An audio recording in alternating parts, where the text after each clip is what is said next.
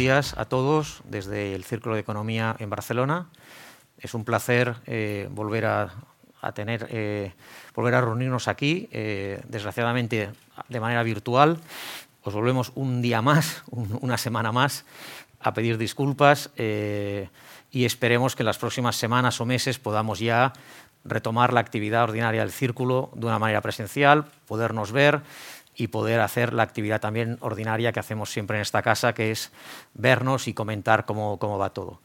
Eh, hoy es un día muy especial para nosotros. Hoy recibimos al presidente de, Andalucía, eh, como hemos hablado antes con el presidente, la comunidad autónoma más poblada de España, y por tanto eh, estamos especialmente contentos, satisfechos y expectantes de ver qué nos, qué nos tiene que decir Juanma Moreno.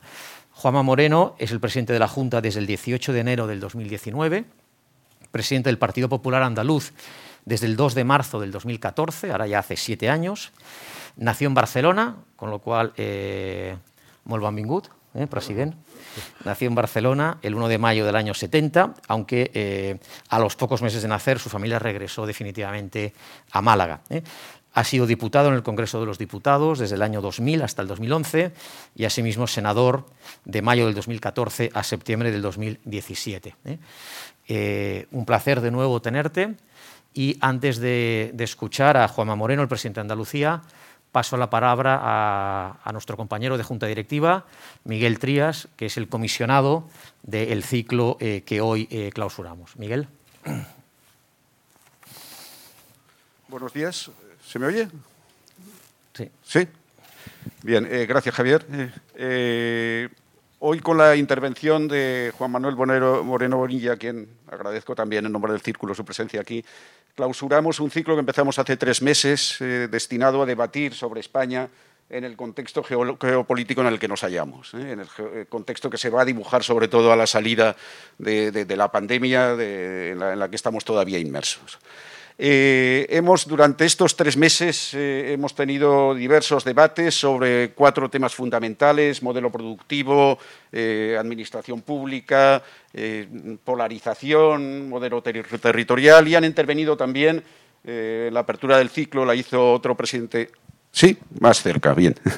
Otro presidente autonómico, eh, Chimo Puig, eh, y entre tanto han intervenido también Pablo Casado, presidente del Partido Popular, ha intervenido Nadia Calviño, ministra de Economía y vicepresidenta del Gobierno, ha intervenido también Luis Garicano, parlamentario, Merichel Batet, presidenta de las Cortes y otros expertos no voy ahora a realizar un análisis, un resumen de todo lo que ha sido el ciclo, porque eso lo estamos haciendo, estamos preparándolo, estamos preparando eh, un relato general de todo lo que ha sido el ciclo, que lo publicaremos, y una nota del, una nota del Círculo de Economía, en la cual también mm, extraeremos nuestras conclusiones. Si quisiera, en cambio, eh, destacar cinco líneas o cinco ideas que han ido serpenteando a lo largo de todas las sesiones. Una primera es que España necesita un nuevo modelo en torno al cual se identifique cara al exterior y nos identifique a nosotros eh, con el país. Eh, salimos del franquismo hace más de 40 años con una transición que fue calificada como modélica, aunque ahora es criticada, eh, pero fue vista externamente como un modelo tanto por los países del este, que, luego transitaron del comunismo hacia la democracia, como en Latinoamérica. Eh, nuestro país también fue admirado por su modernización, pero toda esa historia de amor de alguna manera se rompió con la crisis económico-financiera de 2008-2009 y todavía no nos hemos recuperado. Todavía estamos viendo qué papel debemos desempeñar, cómo debemos proyectarnos hacia el mundo, en un mundo que está cambiando eh, radicalmente y que la pandemia no ha hecho más que acelerar dichas tendencias de cambio. Un mundo donde el centro se está desplazando desde el Atlántico a claramente el Pacífico. Ahí tenemos que encontrar, Europa tiene que encontrar su sitio y España dentro de Europa. Ahí tenemos un problema de modelo y esa es la primera idea. La segunda idea es que ese modelo de país requiere un modelo productivo, un repensar nuestro modelo productivo. Eso ya lo decíamos cuando salíamos, cuando estábamos reflexionando sobre los problemas que tenía nuestro país en la crisis de 2008-2009, eh, que se alargó en nuestro país, como sabemos, varios años hasta 2013, y, decíamos, tenemos que cambiar nuestro modelo productivo, pasar de la economía del ladrillo, de una economía de baja productividad, una economía más intensiva en conocimiento, una economía eh, que realmente sea más competitiva, eh, pero no solo en precio, no solo en mano de obra barata, sino realmente en aportar valor añadido. Bien, seguimos allí. ¿eh? Ahora tenemos una oportunidad, una oportunidad que nos ofrece pues, todo el proyecto Next Generation propugnado por la, por la, Unión Europea. Los fondos nos, nos, van a permitir, si lo sabemos aprovechar, realizar un salto cualitativo en nuestro modelo productivo pero lo debemos saber aprovechar. ¿eh? Desde, el, desde, el, círculo hemos propugnado que fuera una agencia independiente quien interviniera en la selección de los proyectos. ¿eh? Parece que no va a ser así. ¿Eh? En cualquier caso, es fundamental que nuestro país acierte en esto, porque si no, perderemos otra oportunidad y esta puede ser decisiva. Tercera idea, sector público. Un modelo productivo eficiente necesita una administración productiva y eficiente. Necesitamos reformar el sector público. Y propugnamos desde el Círculo de Economía la colaboración público-privada, claramente. No podemos, ¿eh? desde el sector privado, ver con reticencia a la administración pública, descalificándola ad nutum como ineficiente, ni se puede desde la administración pública ver con reticencia al sector privado, como por desgracia sucede en determinadas administraciones donde se ha instalado el dogmatismo por encima del pragmatismo. Insisto, la colaboración público-privada es absolutamente esencial para que realmente relancemos nuestro, nuestro modelo de país. Cuarta idea, modelo territorial. Seguro que sale en la sesión de hoy. Desde luego surgió eh, se planteó en la sesión que tuvimos con el presidente valenciano, Chimo Puig, y ha ido saliendo en debates, hemos tenido un debate específicamente dedicado a esto, ¿eh? pero ha ido saliendo en todos los debates. ¿eh? Nuestro país pues, salió con un modelo territorial de la transición que funcionó y fue funcionando, pero ahora tenemos que reformarlo. Y tenemos que reformarlo porque tenemos un problema de financiación de las comunidades autónomas, por un lado, tenemos un problema específico aquí en Cataluña, donde gran parte de la población ha desconectado eh, de la idea de, construir España. Y debemos repensar este modelo territorial con una clara atribución de competencias entre Estado, comunidades autónomas, eh, y huyendo de los apriorismos y los dogmatismos, desde, huyendo de las fuerzas centrífugas eh, que lo que tienden es a destruir el modelo y de las fuerzas centrípetas que se obcecan en un único modelo. No, no solo hay un modelo territorial y eso lo tenemos que repensar. Y posiblemente desde la periferia es desde, donde podemos ser propositivos y, generar un modelo para los próximos 40 años. ¿eh? Y finalmente, para todo esto requerimos una amplia red de consensos. ¿eh? Requerimos que eh, las fuerzas políticas recojan aquella aspiración que manifestaron el 90% de los españoles eh, al principio de la pandemia. Eh, la necesidad de que consensuemos para salir de esta crisis, que consensuemos para este nuevo modelo territorial. Por desgracia, la polarización, que no es un fenómeno exclusivo de España, lo vimos en el Capitolio el 6 de enero, la polarización infecta todo el, todo el lenguaje. Todos podemos pensar que nuestro polo pues, es más excusable, ¿eh? porque son gente de orden, o que el otro es más excusable, porque son utópicos, pero son buena gente. ¿eh? Eh, no. Si lo que estamos es debatiendo continuamente con el polo extremo y dejándonos arrastrar como el polo extremo, como por desgracia sucede con frecuencia aquí en Cataluña y también en otras partes de España, no iremos en esa dirección. Por tanto, la necesidad de trabar consensos requiere huir de la polarización, que es uno de los, de los males que, insisto, no por generalizado, debe dejar de preocuparnos. No quiero robar más tiempo. Eh, como digo, todo eso lo plasmaremos tanto en, en, un dossier donde recogeremos todos los debates, todas las reflexiones y en una nota del círculo. Pero ahora a quien hemos venido a escuchar es al presidente de Andalucía y yo lo dejo aquí. Gracias, Javier.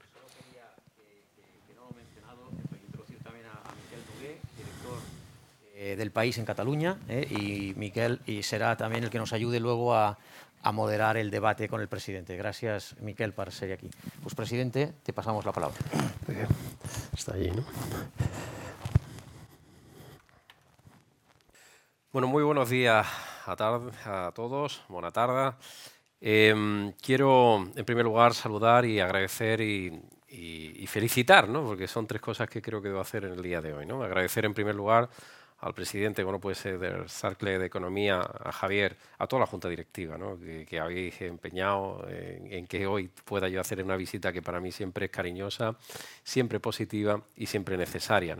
A la Secretaria General también, por supuesto al director general también del, país en Cataluña, Miquel.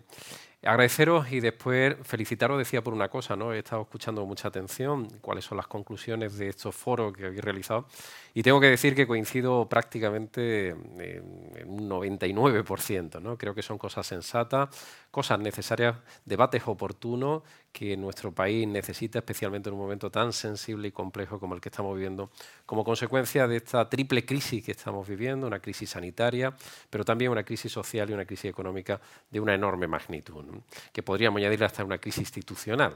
Por alguno se está cuestionando eh, grande de los, grandes resortes de nuestro modelo de convivencia. Así que enhorabuena por, por, todo lo que estáis haciendo, por, lo, por todo lo que hacéis y por todo lo que vais a seguir haciendo durante muchos años, no solamente para, para Barcelona, Barcelona, Cataluña, sino también para el resto de España. Eh, saludar también al secretario general de Acción Exterior, Enrique Milló, que está con nosotros. Hay muchos amigos que están aquí.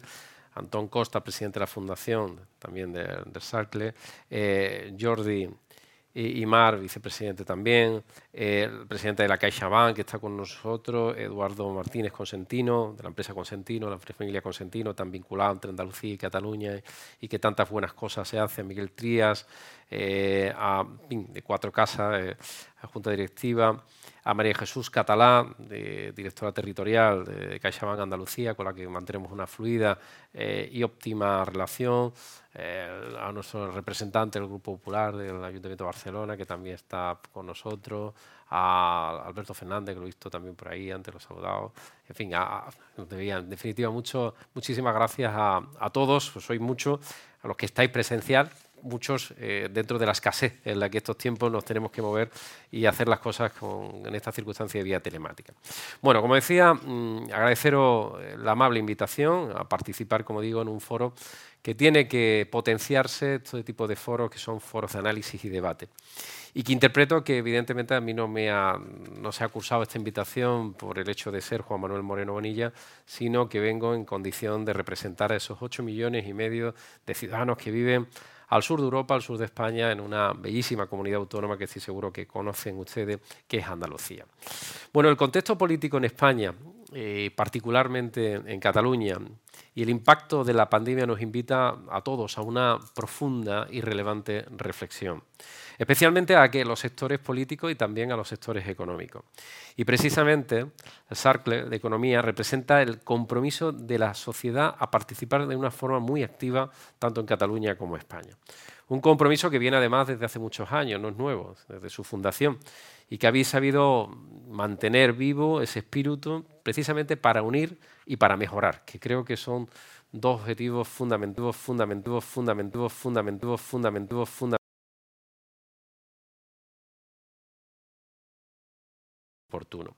Considero este momento un momento propicio para hablar de Andalucía, para hablar de Cataluña y de España desde mi visión como presidente autonómico. Y lo es por la confluencia de tres circunstancias. La primera de ellas, que Cataluña ha abierto un periodo de formación de gobierno, de gobierno de la Generalitat. Hay mucho en juego, no solamente y evidentemente para Cataluña, sino incluso también para el resto de España en la formación de ese futuro gobierno de la Generalitat.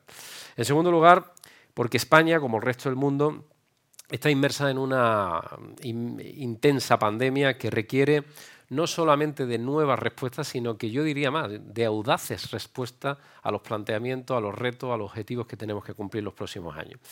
Y en tercer lugar, porque Andalucía también ha iniciado un periodo de cambio, iniciado tras casi 40 años de monopolio en el poder, sin alternancia política, en la comunidad precisamente más, más poblada de España. Sin duda, es una buena ocasión para defender algo en lo que yo creo profundamente, que es el autonomismo constitucional renovado, para poder afrontar además con éxito un futuro que se aventura, como todos ustedes saben, muy complejo. Y explicar también cuál es el modelo andaluz que responde a muchas cosas, ¿no? pero creo que algo que hay que destacar a un nuevo estilo de gobierno. Queremos ser, y queremos además, que el modelo andaluz no solo sea un modelo de gestión, que lo debe ser, sino una actitud, un modelo de actitud, una nueva actitud en las relaciones del gobierno a nivel social con los ciudadanos, nuestra manera de relacionarnos entre administración, y administrado. Hay muchas cosas que cambiar, muchas cosas que mejorar en ese enfriamiento y distanciamiento que hay entre las instituciones y los ciudadanos. En segundo lugar, lo político, con, con las fuerzas políticas y con el resto de administraciones públicas. Tenemos que hablar, dialogar, conversar y discutir con el resto de fuerzas políticas, con el resto de administraciones públicas y hacerlo desde el sentido común y desde el respeto a la diferencia. Y en tercer lugar, en lo económico, siempre ese diálogo con los agentes sociales y empresariales. Las tres reglas del, del modelo andaluz, bajo mi punto de vista, son las siguientes. Ser un gobierno de todos, cuando digo de todos, es de absolutamente de todos, del que me aplaude y me vitorea, pero también el que me pita e incluso algunas veces hasta me zarandea de todos. Uno es el presidente de todos y cada uno y tiene que sentirse que es el presidente de todos, porque te tiene que elevar a una posición mucho más inclusiva, mucho más tolerante, mucho más de armonía respecto a tus ciudadanos.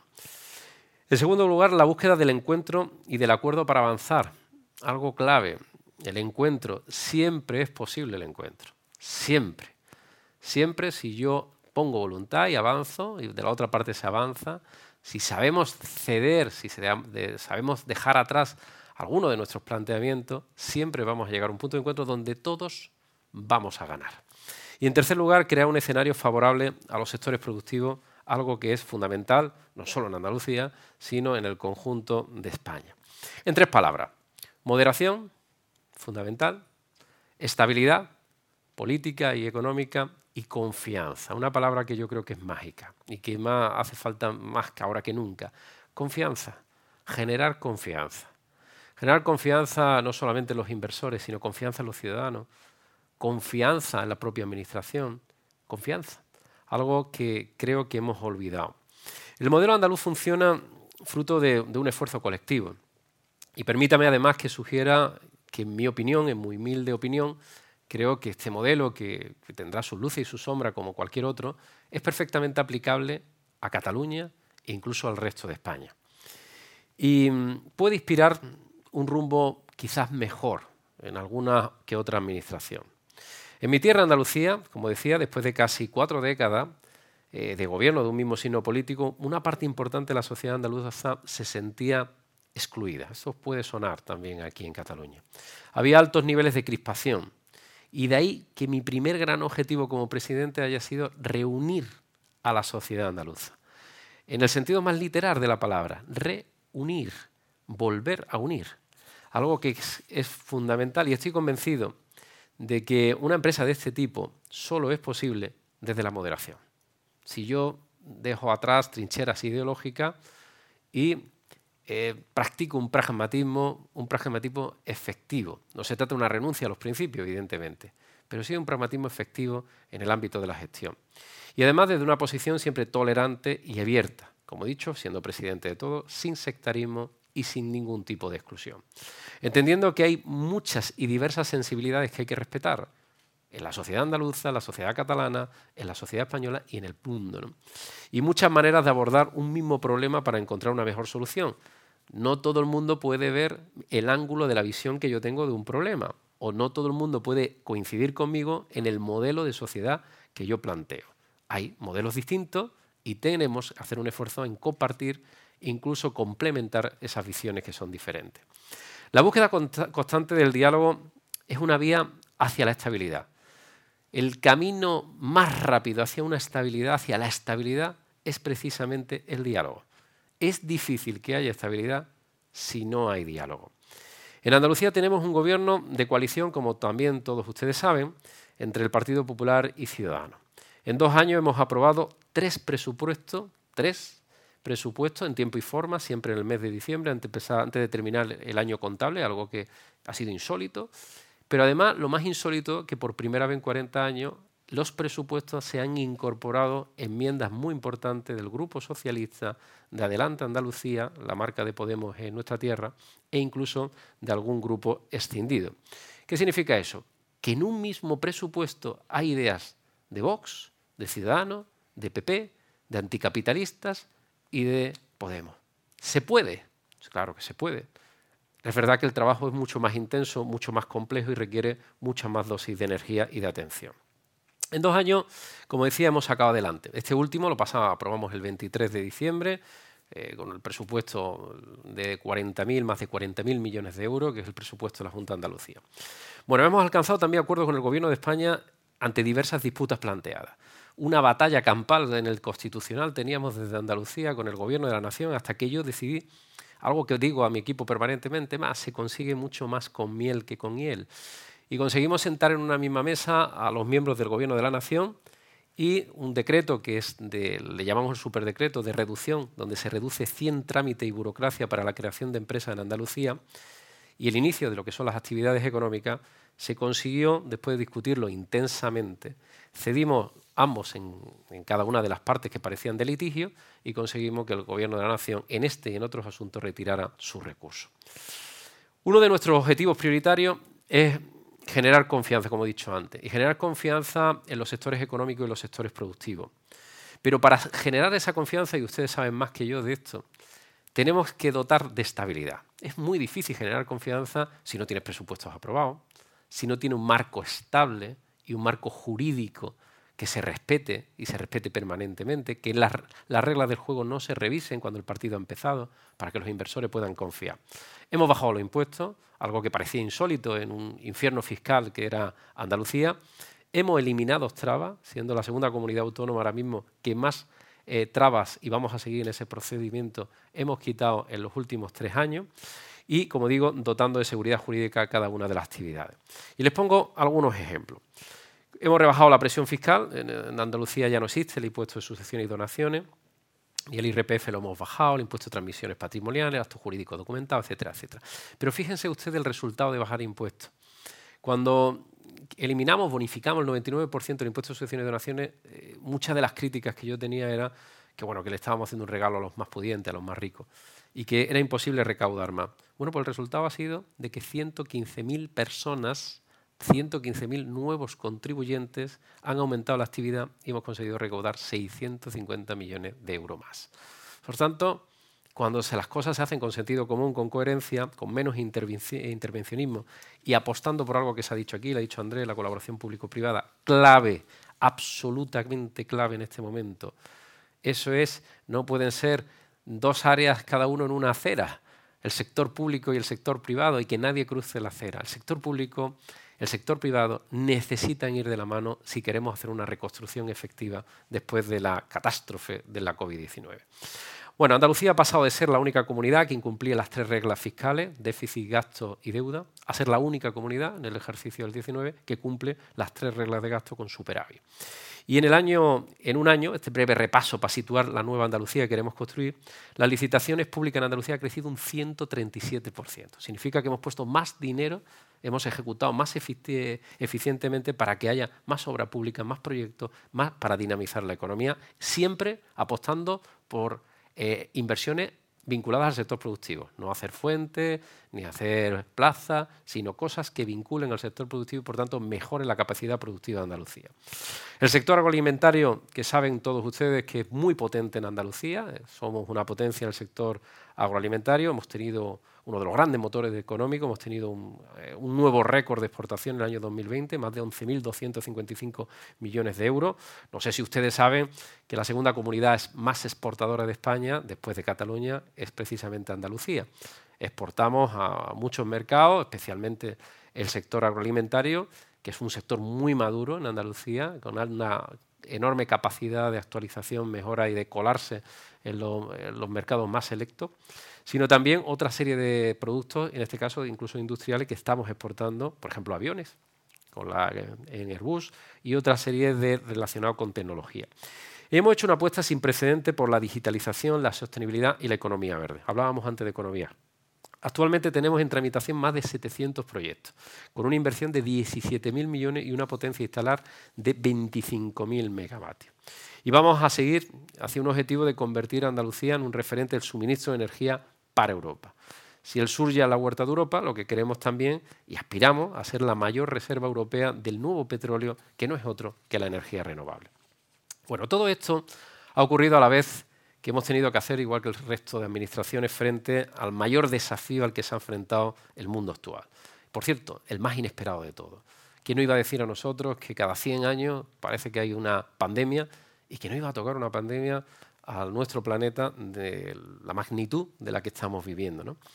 Evidentemente, como imagino que habrán hecho el resto de administraciones, hemos intentado eh, apostar por tres pilares, que ha sido la previsión, el refuerzo de los servicios y el equilibrio. Más de 2.000 millones de euros invertidos en sanidad extra, extra 12.000 millones en sanidad, el presupuesto anual que tiene la Junta de Andalucía. Hemos ampliado mm, hospitales, hemos ampliado centros de salud, hemos, en definitiva, hemos rebustecido en nuestro sistema público de salud para un futuro y para un presente. Hemos acordado también, eh, por culpa de las restricciones, un apoyo a las pymes, que dentro de nuestras posibilidades, 667 millones de euros, que hasta que yo sepa es la cifra más alta que hasta ahora se ha puesto por parte de una comunidad autónoma y ahora vamos a sacar un segundo plan en los próximos 15 días con una cantidad todavía más alta. Hemos puesto 3.450 millones de euros para infraestructura extra, extraordinaria, porque había empresas de la construcción que lo estaban pasando mal y otros sectores. En definitiva, hemos intentado por todos los medios seguir trabajando para intentar amortiguar el duro golpe que tiene y que está teniendo en la economía española, la economía andaluza y prácticamente en la economía europea. Tengo que hacer un primer comentario que puede tener un tono crítico, pero bueno, también siempre desde la responsabilidad y desde la máxima cooperación y colaboración y respeto hacia otras administraciones, hecho en falta eh, cierto liderazgo en esa recuperación económica, en esa reconstrucción que tenemos que hacer de nuestro país. Porque yo no puedo entender que la segunda potencia turística del mundo, que es España, no haya tenido un plan de rescate de la hostelería y del sector turístico. No lo puedo entender, porque otros países sí lo han hecho. No puedo entender cómo el Gobierno de España no ha hecho un gran paquete de medidas, de ayudas directas, de, prórroga, de bajada de impuestos, especialmente impuestos como, como el IRPF o el propio IVA, cuando son empresas que por decreto administrativo la estamos obligando a cerrar, lo razonable sería que durante ese espacio que lo obligamos a cerrar nosotros, la administración, ellos no tengan que pagar esos impuestos, para evitar asfixiarlo. Es importante eh, tener esto muy en cuenta porque desproteger la economía en su peor momento de nuestra historia sería un suicidio social. Es imprescindible que no desaprovechar el instrumento Next Generation de la Unión Europea para la reconstrucción económica, también lo ha citado, ni tampoco que se, se utilice estos fondos para enfrentar territorio. No debe ser eso, no puede ser eso y no queremos que sea eso. Nos preocupa una gestión opaca, unilateral e injusta y que creo que si eso finalmente por parte del gobierno tiene la tentación de gestionar esa ingente cantidad de recursos de esa manera, vamos a tener un enorme obstáculo para poder revitalizar la economía. Por tanto, ruego y pido, como presidente de los andaluces, que a pesar de los llamamientos que se ha hecho por parte del sector privado, por parte de las distintas plataformas y entidades, por el Círculo de Economía de Barcelona, todos le hemos pedido que, en fin, que midiéramos y, y a veces copiáramos otros modelos que nos parecen que son menos arbitrarios, mucho más transparentes y mucho más plural y por tanto más eficientes en esta importante labor de reconstrucción. No podemos perder esa oportunidad. Los fondos que esperamos de la Unión Europea no puede ser tampoco una excusa para renunciar a mejorar nuestro actual sistema de financiación autonómica. Se ha hablado aquí de esto. Llevamos muchos años hablando del modelo de financiación autonómica, pero nadie, nadie lo afronta. Y las comunidades autónomas somos un pilar fundamental de los servicios públicos esenciales de los ciudadanos. ¿Quién da la sanidad? ¿Quién gestiona la sanidad? Las comunidades autónomas. ¿Quién gestiona la educación? ¿Quién gestiona los servicios sociales? ¿Quién gestiona pilares que son clave, ¿no? en colaboración con los ayuntamientos también, pero que necesita de una financiación que sea transparente y que sea justa. Además de una mejor financiación, también defiende una mayor corresponsabilidad fiscal. Oiga, las comunidades autónomas no están solo para gastar, porque es muy fácil, yo soy presidente de la Junta, yo soy el que reparto el dinero, llamo al gobierno, dame más dinero, me peleo con otra comunidad autónoma, y después a la hora de pedirle impuestos, yo, yo soy el bueno, yo soy el que gasto, pero no el que el que pide los impuestos. No. Tú quieres gastar más, tienes que ejecutar mejor, tienes que gestionar mejor y también tienes que poner tus impuestos. Que nos dé a las autonomías, a las comunidades autónomas, para poder bajar los impuestos sin poner en peligro algo que es fundamental, que es la estabilidad de las cuentas y la prestación del servicio. Para que el sistema sea tan solidario como justo.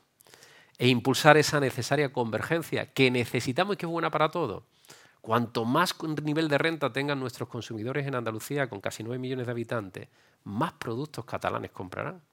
muchos más productos catalanes comprarán y por tanto más capacidad de entrar en esos mercados. Me refiero a la, una solidaridad entre territorios bien entendida, ¿eh? siempre acompañada de corresponsabilidad en el gasto y gestión. Yo no soy de los que digo, oye, Cataluña tiene que darme más dinero, Madrid, pero para yo derrocharlo. No, no. Yo tengo que cumplir las tres reglas de gasto. Yo tengo que cerrar mi año contable con superávit. Yo tengo que cuadrar mis cuentas. Porque esa es la mejor garantía de que la España solidaria que queremos construir sepa que esos recursos se están empleando de manera eficiente. Y eso es algo que no siempre se ha hecho en mi comunidad autónoma. Y además, que nos dé a la autonomía, nos dé la posibilidad de, de seguir ampliando nuestras capacidades financieras. Andalucía tiene claro que sus intereses también se juegan en Cataluña y en cualquier otra comunidad autónoma de España y viceversa. Los lazos de Cataluña y Andalucía son evidentes. Yo soy fruto de esos lazos. Yo soy un presidente del gobierno andaluz, nacido en Barcelona, que ama profundamente Barcelona y que ama profundamente Cataluña. Y que me he educado con un padre que, hablaba catalán, que un padre que amaba profundamente y admiraba a Cataluña después de más de dos décadas de estar en Cataluña. Por tanto, como yo, hay decenas de miles de ciudadanos andaluces que han contribuido con su esfuerzo, con su talento, con su capacidad a hacer más diversa esta sociedad hacerla más plural y también hacerla mucho más productiva. Y eso también hay que reconocerlo. Y esa Cataluña y esa Andalucía tienen un vínculo que es indisoluble. 7,5% de la población catalana es de origen andaluz. 7,5, son muchos, decenas de miles. Ayer, sin ir más lejos, celebré el Día de Andalucía con muchos de los residentes. Y te cuentan, eh, tienen inquietud y aman esta tierra con enorme intensidad. Y quieren participar de manera activa en la construcción y reconstrucción también de Cataluña. Yo, como tengo personas, tengo familiares en, Barcelona, evidentemente mantengo una relación fluida, constante y actualizada de todo lo que sucede y siempre algunas cosas con alegría y otras con, con preocupación, como después comentaré.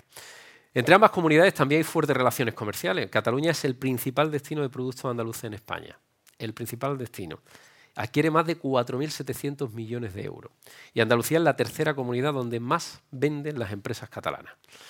Lazos que benefician a andaluces y a catalanes, que podemos potenciar para aprovechar también esa sinergia entre dos grandes comunidades autónomas.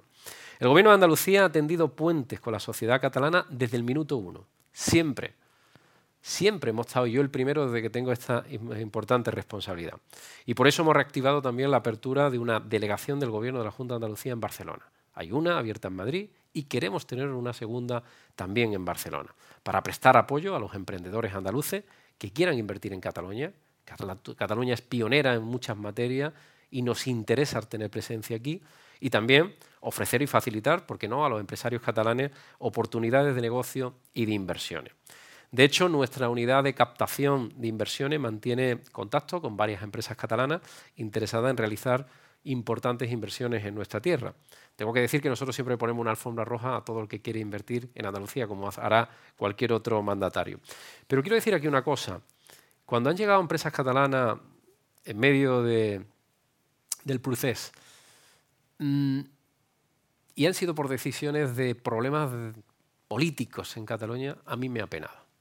Yo no quiero que nadie se deslocalice por una razón política, por una razón de, incapacidad de poder seguir proyectando eh, sus, objetivos empresariales en una tierra por un problema político. Y eso lo he visto. Lo he visto en Cataluña, lo he visto en Andalucía, lo he visto en otras comunidades autónomas. Y eso, evidentemente, es preocupante. En muchas ocasiones he demandado al Gobierno de España una mejor respuesta también al ofrecimiento de colaboración leal y efectiva que hemos hecho constantemente de Andalucía. A nosotros y a mí personalmente me dicen que soy el, hombre del pacto, ¿no? Eh, estoy con la matraca todo el día del pacto. Porque yo creo que colaborando y cooperando se llega mucho más lejos que enfrentándonos. Y el papel del Estado debe ser vertebrador de coordinación y de impulso. Ese papel no se ha cumplido durante la pandemia y tengo que reconocerlo para que revisemos en qué consiste la cogobernanza. Hemos pasado una ocupación de competencia en una primera, la primera ola de lo que eran las propias comunidades autónomas y al final hemos pasado prácticamente a un modelo donde el gobierno de la nación prácticamente no existe, donde ha abdicado de sus responsabilidades de planificación, coordinación, impulso, en definitiva, de, testear, compartir, planificar. La mejor España se construye con mirada amplia, siempre lo digo. No basta una mirada radial desde Madrid. Solo contando con una visión periférica se puede trazar una imagen completa, real y fiel de España, de lo que somos y también de lo que podemos ser. Es pasar de ver España en un plano a verla impresa en 3D. En mi visión de España y el sur, el sur y el noreste, son vitales para muchas razones. Andalucía y Cataluña suman un tercio de la población española. No se puede construir España sin contar con la mirada y la forma de entenderla de, cada, de uno de cada tres españoles. Apuesto por una Andalucía fuerte dentro de España y en Europa, encajada como una pieza de un mecanismo en el que todos aportemos y también todos nos beneficiemos, como encaja Cataluña.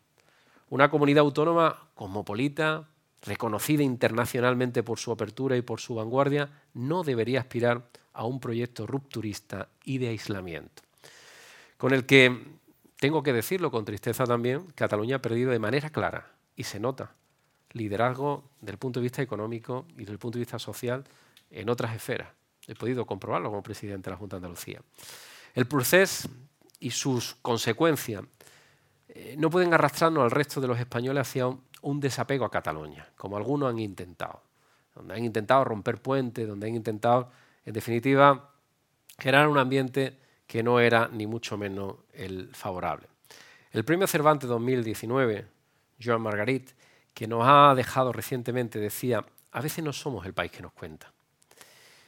Es nuestro deber recoser, recoser vínculos con un reconocimiento mutuo.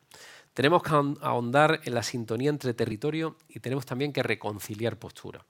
Hacer un esfuerzo por entendernos con toda la carga de diversidad. Diversidad de territorio, diversidad de habla, diversidad de personas, diversidad de ópticas y miradas. Eso es España, un maravilloso enjambre de diversidad que debemos reconocer en ese proyecto común que es nuestro país, que se engrandece y se sustenta sobre el respeto a esas singularidades, donde no caben, desde mi punto de vista, las derivas radicales independentistas. Porque si el centralismo nos aleja de los grandes espacios de oportunidad y progreso, el separatismo y el populismo rompe con todos ellos. En este mismo foro, otros representantes políticos han expresado mi misma convicción, con lo cual estamos en sintonía. Hace tan solo unos meses, el presidente de la comunidad valenciana, Ximo Puig, decía, es la hora de los ingenieros de puente, no la de los técnicos de demolición. Una frase acertada, evidentemente. Pablo Casado también aquí dejaba muy claro que el populismo no es un buen compañero de viaje, porque al cruzar el río el escorpión siempre anda clavando al aguijón. Por eso defiende un modelo de tolerancia e igualdad, alejados de populismo y polarización, ya sabemos que deterioran la convivencia y no aciertan en términos de prosperidad. El populismo nunca genera prosperidad ni beneficia a la sociedad. Llevamos días de disturbios violentos en Barcelona y también en algunas otras ciudades de España. Y por supuesto, como ustedes, lo condeno y lo condeno de una manera enérgica y rechazo la legitimación de la violencia que algunos representantes políticos practican o bien con sus palabras, o a veces también con su silencio, silencios que son alarmantes. Pero además comparto con este importante foro la necesidad de reconstruir la política, de priorizar la recuperación, de abandonar luchas internas y poner en marcha una política económica que tiene que ser realista y que tiene que ser previsible. El inmovilismo nos empobrece. Si alguien cree que quedándose quieto y no hacer nada, eso va a generar progreso y bienestar está claramente equivocado. Y los extremos y la división son un lastre para el progreso y para la recuperación de España. La reconstrucción tiene más capacidad de impulso siempre desde el centro, desde un espacio donde es más fácil llegar a un lado y a otro para conectar y llegar a acuerdo. La intelectual y filósofa malagueña, María Zambrano, que tuvo precisamente aquí, en Barcelona, su último hogar antes del exilio forzado, supo definirlo a la perfección. Decía, todo extremismo destruye lo que afirma. Y es exactamente así. Echo de menos el catalanismo moderado. Ese catalanismo que defendía sus intereses, de los intereses de Cataluña, que era orgulloso de ser catalán, pero que practicaba un pragmatismo en las propias relaciones. Eso prácticamente ha desaparecido en Cataluña. No hay nadie, ya solo hay ruido, hipérbole, radicalidad, intolerancia. Definitiva, necesitamos también en Cataluña modelos que defiendan con firmeza y determinación, pero de una forma pragmática, acuerdos entre los catalanes y acuerdo con el resto de España. Porque sólo así se podrá alcanzar futuros acuerdos por la vía del diálogo. Y el independentismo debe abandonar su deriva radical de los últimos años y centrarse en objetivos que quepan dentro del marco constitucional. Termino ya. Termino haciendo una llamada a la reflexión en algo que nos preocupa creo que a todos. ¿no? Percibo demasiados líderes y demasiadas formaciones políticas que tratan de imponer un manto ideológico sobre los territorios, pero un manto que es viscoso, que es pesado, que lo único que hace es tapar precisamente lo que somos cada uno de nosotros, de inmovilizar nuestras potencialidades y nuestras capacidades y de impedir que seamos únicos, como andaluces o como catalanes, en un proyecto común. Apelo a no dejarse llevar por esa inercia para dirigir con éxito un momento que es histórico, que nos van a medir las próximas generaciones, a todos y cada uno de nosotros, cada uno en su ámbito de responsabilidad y de manera muy especial a aquellos que tenemos la importante responsabilidad institucional.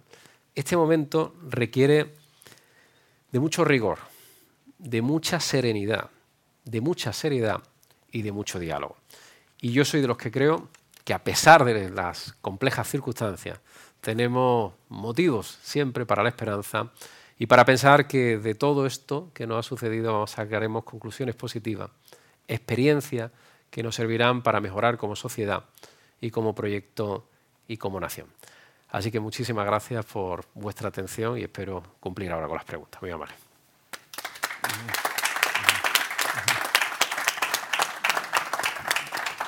Muchísimas, gracias, presidente. Ahora le pasamos la palabra a Miguel Nugué para que modere. Sabéis, todos los que nos estáis siguiendo por streaming online, que podéis enviar vuestras preguntas. Me parece que hay una, debe haber alguna pestaña, me dicen, que podéis escribir vuestras preguntas y llegarán aquí a, nuestro staff que se las hará llegar a, a Miquel. Y entre tanto, pues Miguel, te paso la palabra. Muy bien, muchas gracias y buenas tardes ya, presidente. A mí me gustaría empezar, ya que estamos en una institución, sobre todo que está intentando repensar la, economía de, este país, además desde un punto de vista que me parece interesante, porque no es solo el punto de vista de la empresa, sino del conjunto de la, sociedad. A mí me gustaría preguntarle si ahora que estamos hablando de los ah, fondos Next Generation y de la necesaria cooperación entre administraciones que requerirán estos fondos, me gustaría preguntarle concretamente por Andalucía, ¿habrá fondos europeos pensados no desde solo desde una comunidad autónoma, sino desde varias? ¿Tiene algún proyecto en este momento con otras comunidades autónomas ya pensados en marcha, presentados al gobierno? Pues sí, la verdad que mm, Next Generation eh, para todos nosotros es una enorme oportunidad, todos esos fondos. Y no solamente hay fondos que son eh, intracomunitarios, por así decirlo, sino que son supracomunitarios. Y tenemos varios relacionados, eh, en este caso algunos con Extremadura, pero el más importante desde mi punto de vista es el relacionado con todas las obras de infraestructura relacionadas con el arco mediterráneo. Necesitamos de una manera urgente que haya un desarrollo, eh, especialmente en el, ámbito ferroviario, en todo el arco mediterráneo, que va desde prácticamente desde Málaga hasta los Pirineos. Creo que ahí hay muchas sinergias comunes, que desde muchas comunidades autónomas, de Cataluña, de la Comunidad Valenciana, la región de Murcia y Andalucía, y donde hay proyectos que superan nuestro marco, digamos, territorial y que se adentra en otras comunidades autónomas. Yo creo que este debate tenemos que superarlo. Cuando, cuando empezamos, se va a empezar la obra y se va a hacer un tramo en Valencia o en Cataluña, a veces hay protesta, no, es que primero aquí, que empieza aquí, no, da igual. Lo importante es que se haga. Lo importante es que ese proyecto siga adelante y que culmine. Cada kilómetro, cada obra, cada, cada mm, digamos, transformación que se va realizando, al final hace viable la realidad de conectar a una parte de España que sin duda alguna no solamente tiene, aporta a la riqueza del país un porcentaje muy elevado, más de la mitad del PIB, sino que además donde hay una concentración de población muy poderosa y que necesitamos además para competir en, términos de igualdad con otras regiones y otras zonas de Europa y del mundo, necesitamos esa infraestructura. Y ahí en el Next Generation hay varios proyectos que son supera el marco autonómico, también con nuestra vecina región de Extremadura, también con Castilla-La Mancha, e incluso hay un proyecto que se hace con el Algarve y con el Entello en, Portugal. Por tanto, nuestra vocación eh, siempre es hacer y facilitar y, colaborar con otras comunidades autónomas. Y además creo que ese debe ser el camino. Usted ha sacado el tema, el, corredor, en este caso ferroviario mediterráneo.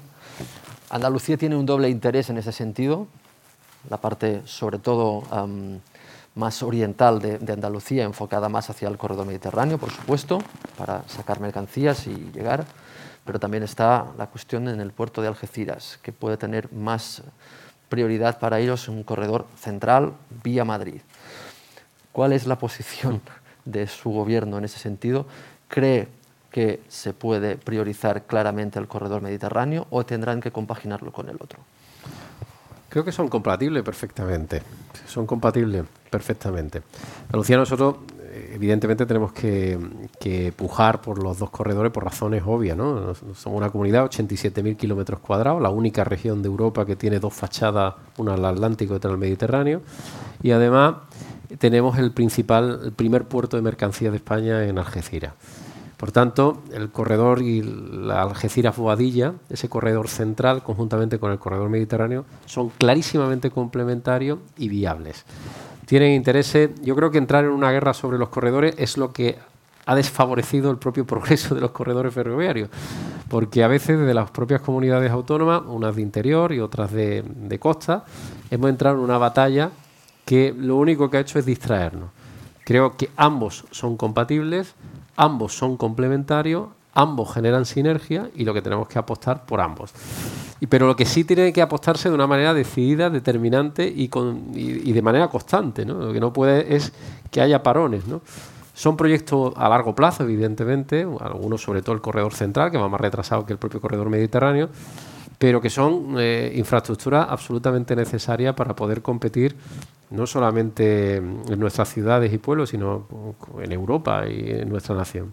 Por tanto, yo siempre he mantenido una posición de que ese doble eje puede funcionar y nunca he puesto reparo ni a uno ni a otro. Participamos en los foros que afectan a ambos y siempre además le pedimos recursos tanto al gobierno como recursos propios para contribuir en el desarrollo de ambos.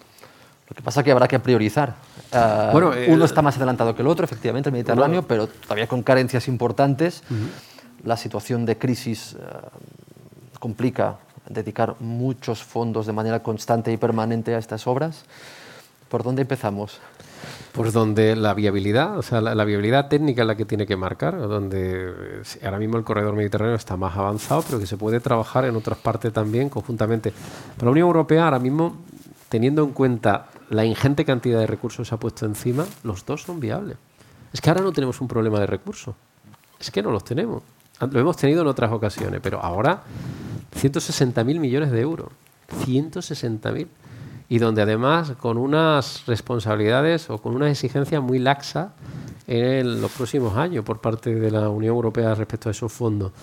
Por tanto, si tenemos dinero, no lo desaprovechemos. A mí el miedo que me da es que al final el Gobierno de la Nación tenga la tentación de hacer un plan E.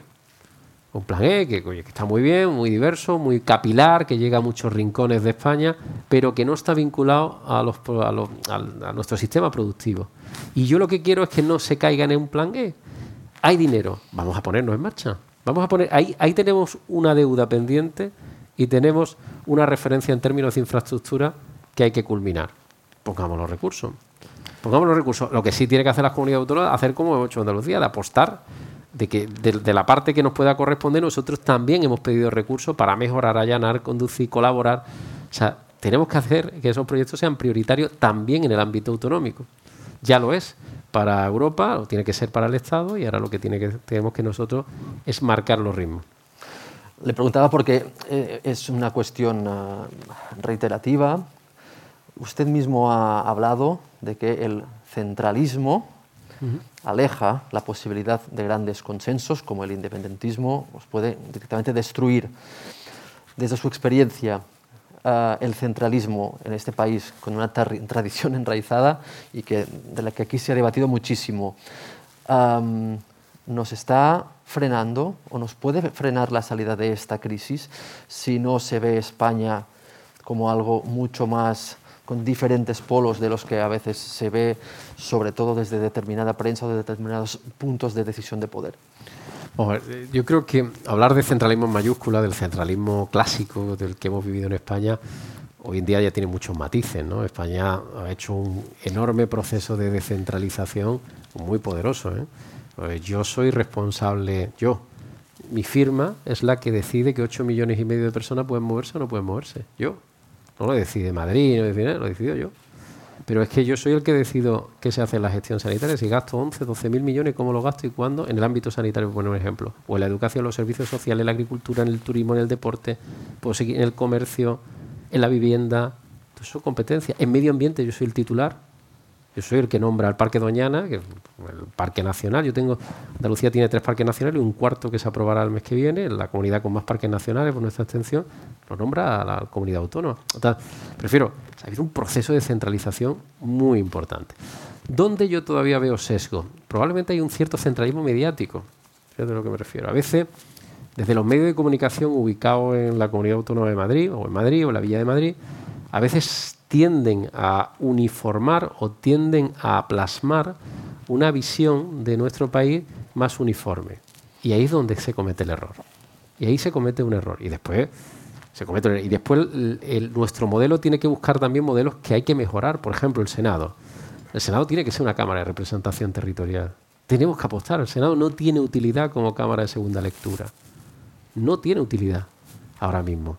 Más allá del punto de vista legislativo y normativo, como elemento corrector, pero tiene que, tenemos que apostar en definitiva. Y después la gobernanza hay que creérsela. Las conferencias de presidente. ¿Por qué las conferencias de presidente se han hecho una prácticamente toda la semana y de buena primera llevamos cuatro meses donde no hay una conferencia de presidente? Pero no conferencia de presidente porque haya la pandemia. Las conferencias de presidente tienen que estar reguladas, organizadas, planificadas, tienen que ser con un carácter periódico, con un orden del día concreto con capacidad vinculante de las decisiones, porque además ayuda a la cohesión del país. Eso, esas semanas que nosotros hemos pasado en la pandemia, donde teníamos una conferencia de presidente semanal, ayudaba, ahí estábamos todos, no faltaba nadie, y ayudaba entre nosotros a dialogar, a discutir, a plantear, a complementar. Creo que eso es positivo. Por eso creo que la mirada de algunos medios de comunicación tiene que cambiar y lo digo porque yo a veces veo cosas que llueve en Madrid, bueno, pues está muy bien, pero aquí no llueve. Otra, no, hay, hay una atasco no sé dónde, en la M40, pues muy bien, en la M40, pero aquí en la S30 no tenemos atasco. Entonces, esa visión de algunos medios de comunicación hay que, hay que cambiarla, ¿no? que es un ámbito, muchas veces, el propio sector privado y un ámbito humano, ¿no? por así decirlo, de, los equipos territoriales que están allí. ¿no? pero después hay otra, el Estado tiene que perfeccionar la cogobernanza, la coordinación y cooperación entre la Administración General del Estado y las comunidades autónomas. Hay cosas que están inacabadas y fruto de esa inoperancia se genera después no solo malos entendidos, sino ineficacia en la gestión. Ahí tenemos un amplio, un amplio paquete de reformas para cambiar de una vez el Senado y que sea una Cámara de Representación Territorial como debe ser, ya de una vez por todas, no le demos más vuelta. O, por ejemplo, esa conferencia de presidente que yo he visto como testigo directo que es efectiva y que puede ser útil si se hace siempre con orden del día, con carácter vinculante de las decisiones y de carácter eh, periódico. Pues, y ya que habla de la conferencia de presidentes, ha llegado una pregunta que puede tener algo que ver y que quizás se podría hablar ahí. Es una pregunta del señor Miguel Trías. ¿Qué opinión tiene de la estrategia fiscal de la Comunidad de Madrid? ¿No le parece que le falta sentido de Estado? Bueno, yo suelo ser muy, muy respetuoso con las decisiones que adoptan cada comunidad autónoma, por razones obvias, porque quiero que sean respetuosos conmigo. Y uno cuando es presidente de una comunidad autónoma es presidente en todos los sentidos. Tiene que defender los intereses de esa comunidad autónoma y defender a, tus administrados.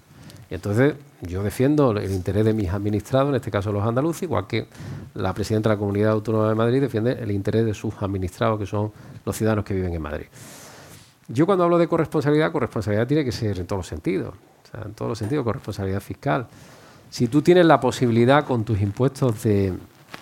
Y Madrid es una comunidad solidaria, ¿eh? en términos de contribuir a la riqueza del conjunto del país.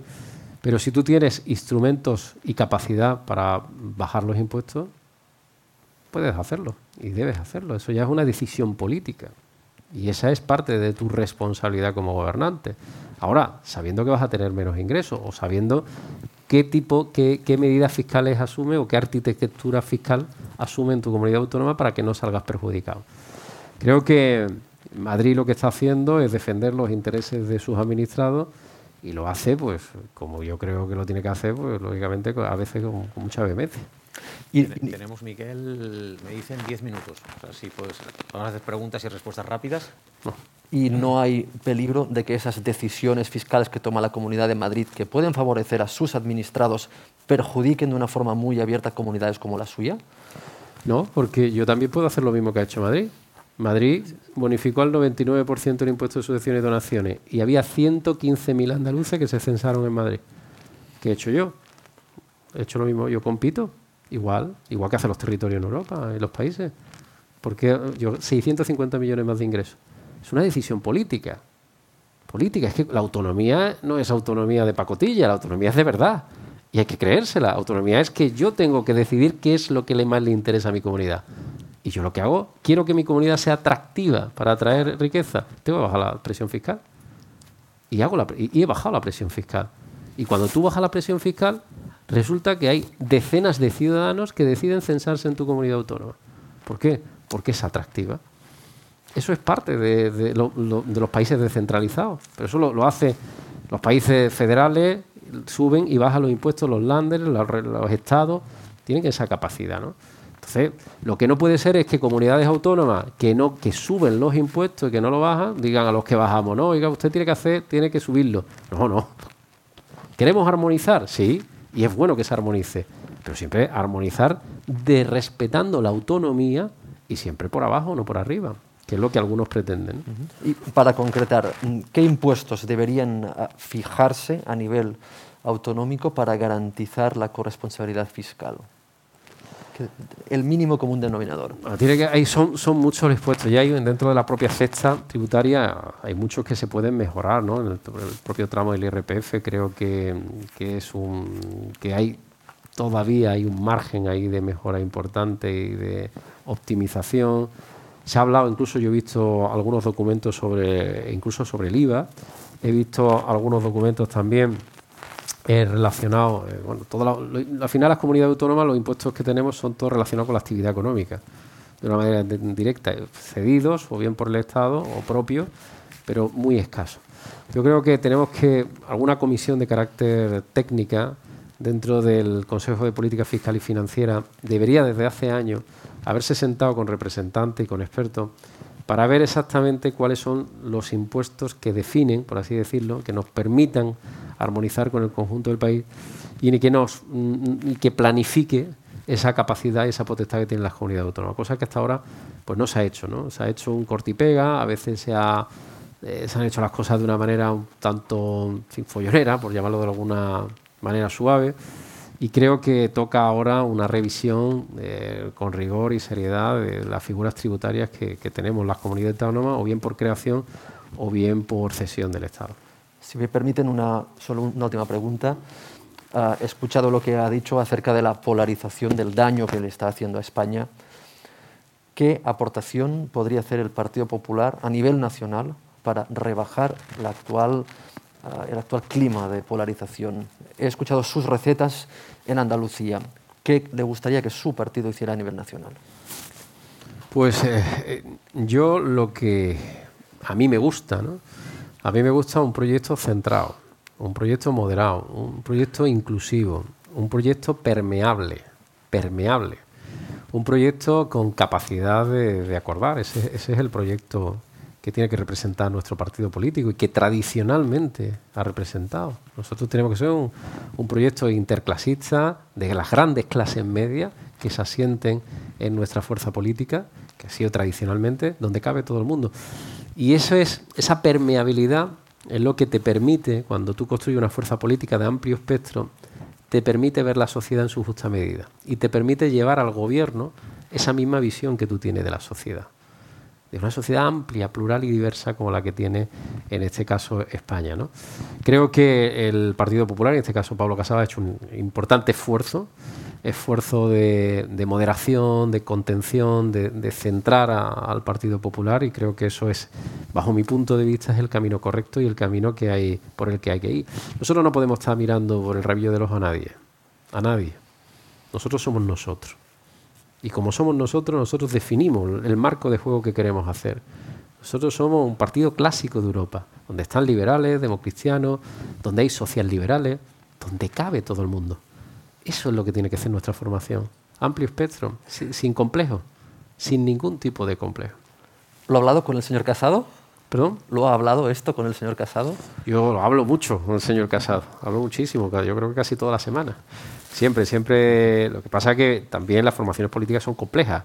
En los partidos políticos eh, convivimos eh, muchas sensibilidades y además los partidos políticos no somos dogmas de fe, sino que cada uno pues, tiene eh, su visión. ¿no? Probablemente yo desde el sur, que vivo en una comunidad autónoma con un sesgo social más, más centro-izquierda, por llamarlo de alguna manera, pues también eso me impregna. ¿no? Y entonces, pues mi visión es una visión, pues como digo, de mucho, mucho más centrada, ¿no? en el sentido de, de, lo que yo veo, dice que cada maestrillo tiene su librillo, ¿no? lo que yo veo en Andalucía que funciona es eso.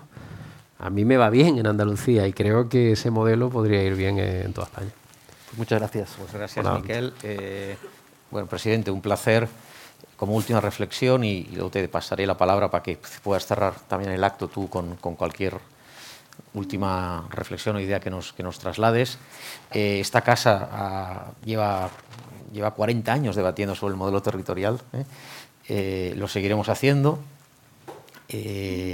malgré tú, ¿no? que dicen los franceses, lo seguiremos haciendo.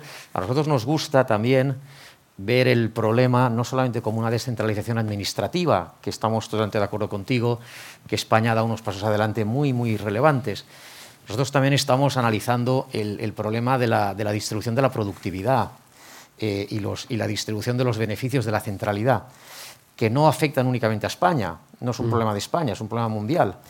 Y detrás de este problema creemos que también hay fenómenos como, Trump, como el Brexit, como los chalecos amarillos, las regiones más, eh, cosmopolitas, más, que se benefician de, de, la clusterización de los servicios, los beneficios de la aglomeración, que se llama, y esto ha provocado que la productividad en estas regiones haya aumentado un 60% por encima del resto, y esto es un problema que no afecta en absoluto a España, pero también. Por eso la fiscalidad también es relevante, porque desde esta casa no nos parece razonable que las regiones que se están beneficiando de esos beneficios de la centralidad, de esos beneficios de aglomeración, de clusterización, además incorporen unos beneficios fiscales adicionales, porque eso entendemos que no es un buen modelo de Estado para cohesionar la productividad por todo el territorio.